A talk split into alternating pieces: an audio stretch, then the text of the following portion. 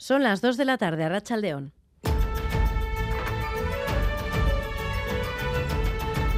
Crónica de Euskadi con Irache Martínez. Tras conocerse el fin de la dispersión de los presos de ETA, Sare y Echerat han comparecido públicamente en Vitoria-Gasteiz. Ambas organizaciones aseguran que se termina así con una etapa de sufrimiento, pero insisten en la necesidad de que se aplique la legislación ordinaria a este colectivo para su proceso de regreso a casa. Creen además que la autocrítica no solo deben hacerla ellos, sino todo el mundo. Joseba Azcárraga, portavoz de Sare. Debemos de incidir en el proceso de regreso a casa de los presos, de las presas, de los refugiados, refugiadas, deportados y deportadas en consonancia con el recorrido que prevé la propia legislación. Hay que seguir exigiendo que se les aplique una legislación ordinaria y de esta forma terminar con los obstáculos que se está poniendo a los presos y presas vascos.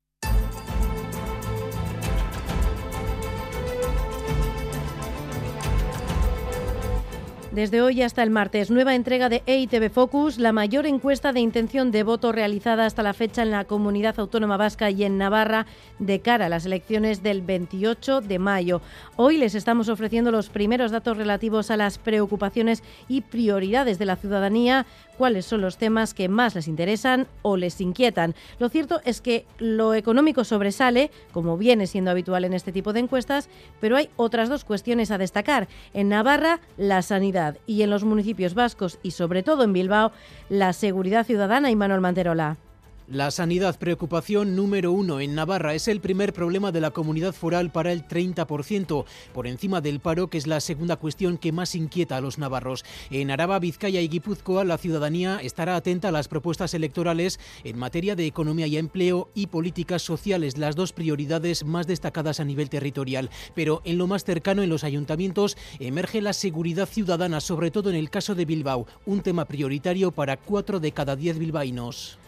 La Comisión Europea anunciaba este sábado que había alcanzado un acuerdo para que Alemania levante su veto y se puedan vender en la Unión Europea coches que no emitan CO2 a partir de 2035, entre ellos los que utilicen combustibles sintéticos, un combustible que es precisamente una apuesta de la planta del hub de descarbonización impulsada por el gobierno vasco junto a Petronor y Repsol en el puerto de Bilbao. Por ello, desde Petronor se felicitan por el acuerdo alcanzado en Bruselas porque dicen confirma su estrategia en el sector. Elías Unzueta, gerente de Petronor Innovación, en declaraciones a Euskal Televista. Es un acuerdo y una situación que nos confirma la estrategia que estamos llevando de que los combustibles sintéticos pueden ser una opción muy interesante para descarbonizar sectores del transporte, sobre todo todos aquellos que tienen muy difícil hoy en día eh, descarbonizarse. ¿no? Estamos hablando de transporte pesado, estamos hablando de aviación, estamos hablando de transporte marítimo incluso.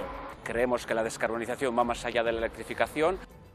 Les contamos también que una mujer de 63 años ha sido asesinada presuntamente por su marido en una vivienda en Orihuela. Susana Armentia, Rachaldeón. A Rachaldeón la policía fue advertida por la llamada de un vecino de la pareja de nacionalidad británica. Era la una de la madrugada cuando entraba en el domicilio. La mujer ya estaba muerta. La delegada del Gobierno de la Comunidad Valenciana, Pilar Bernabé, ha señalado que la investigación está en curso, pero que todo apunta a un caso de violencia de género.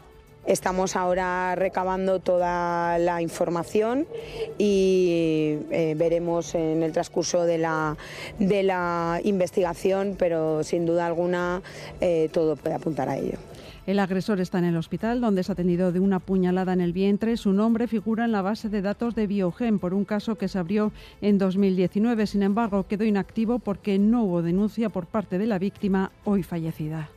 Y en Oyarzun les contamos que la Ertzaintza ha detenido esta madrugada a un hombre de 31 años acusado de un presunto delito de lesiones con arma blanca tras agredir con una navaja a otro ciudadano en el transcurso de una pelea. El hombre que ha resultado herido en una pierna ha sido evacuado al hospital.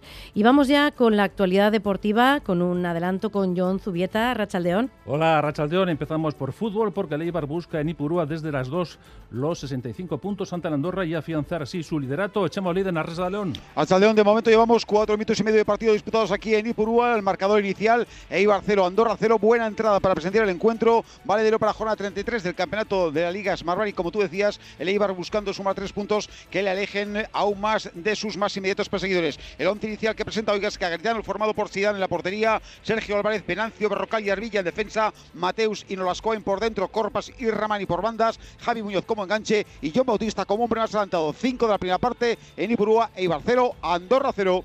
Y en la Liga Femenina, la Alavés ha recibido en Mendizorroza al Atlético de Madrid en un nuevo intento por acercarse a la salvación, pero ha caído a eh, Raúl Pando, a Racha León.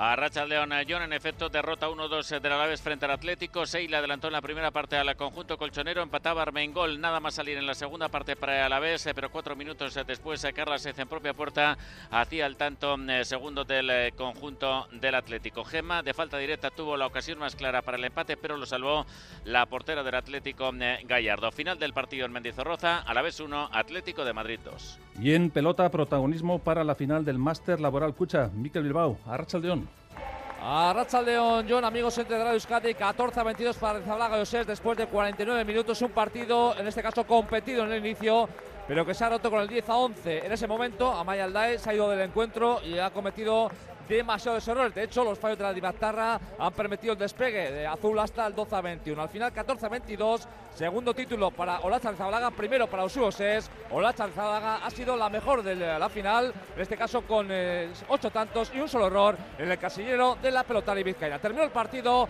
Arizabalaga Oses 22, Alday Mendizábal 14. En baloncesto, el Vasconia y el Bilbao Basket se enfrentan esta tarde en el Hues Arena con pronóstico favorable para los locales. Además, el Ordi Zabaleta se van a enfrentar en el frontón Vizcaya, Altuna y Tolosa en busca de una plaza para la final del Manista ante Lasso e Imaz. Y por último, Lucas Eguíbar podría hacerse hoy en Canadá con la Copa del Mundo de Snowboard después del tercer puesto obtenido ayer que le sitúa segundo en la clasificación general. Tenemos ahora mismo 18 grados en Bilbao, 16 en Donostia y Bayona, 14 en Vitoria-Gasteiz y 13 grados en Iruña. Repasamos el pronóstico del tiempo para las próximas horas. Euskalmete, Gusquiña y Turrioz, Arrachaldeón. León durante la tarde estará soleado con algunas nubes, pero el viento de componente oeste se intensificará y el ambiente será fresco. Y por la noche volverá a aumentar la nubosidad y esperamos un poco más de lluvia. Mañana empezaremos el día con abundante nubosidad y con lluvia, sobre todo en el este de la vertiente cantábrica. Pero por la mañana cesará la lluvia y de cara a la tarde se irán abriendo claros. A primeras horas el viento de componente oeste todavía será intenso, especialmente en el litoral, pero irá perdiendo fuerza a lo largo del día. Quedará una tarde soleada, pero el ambiente todavía será fresco, con temperaturas en general por debajo de los 15 grados. Por tanto, mañana el tiempo tenderá a estabilizarse, poco a poco se irá imponiendo el ambiente soleado, pero todavía las temperaturas serán frescas.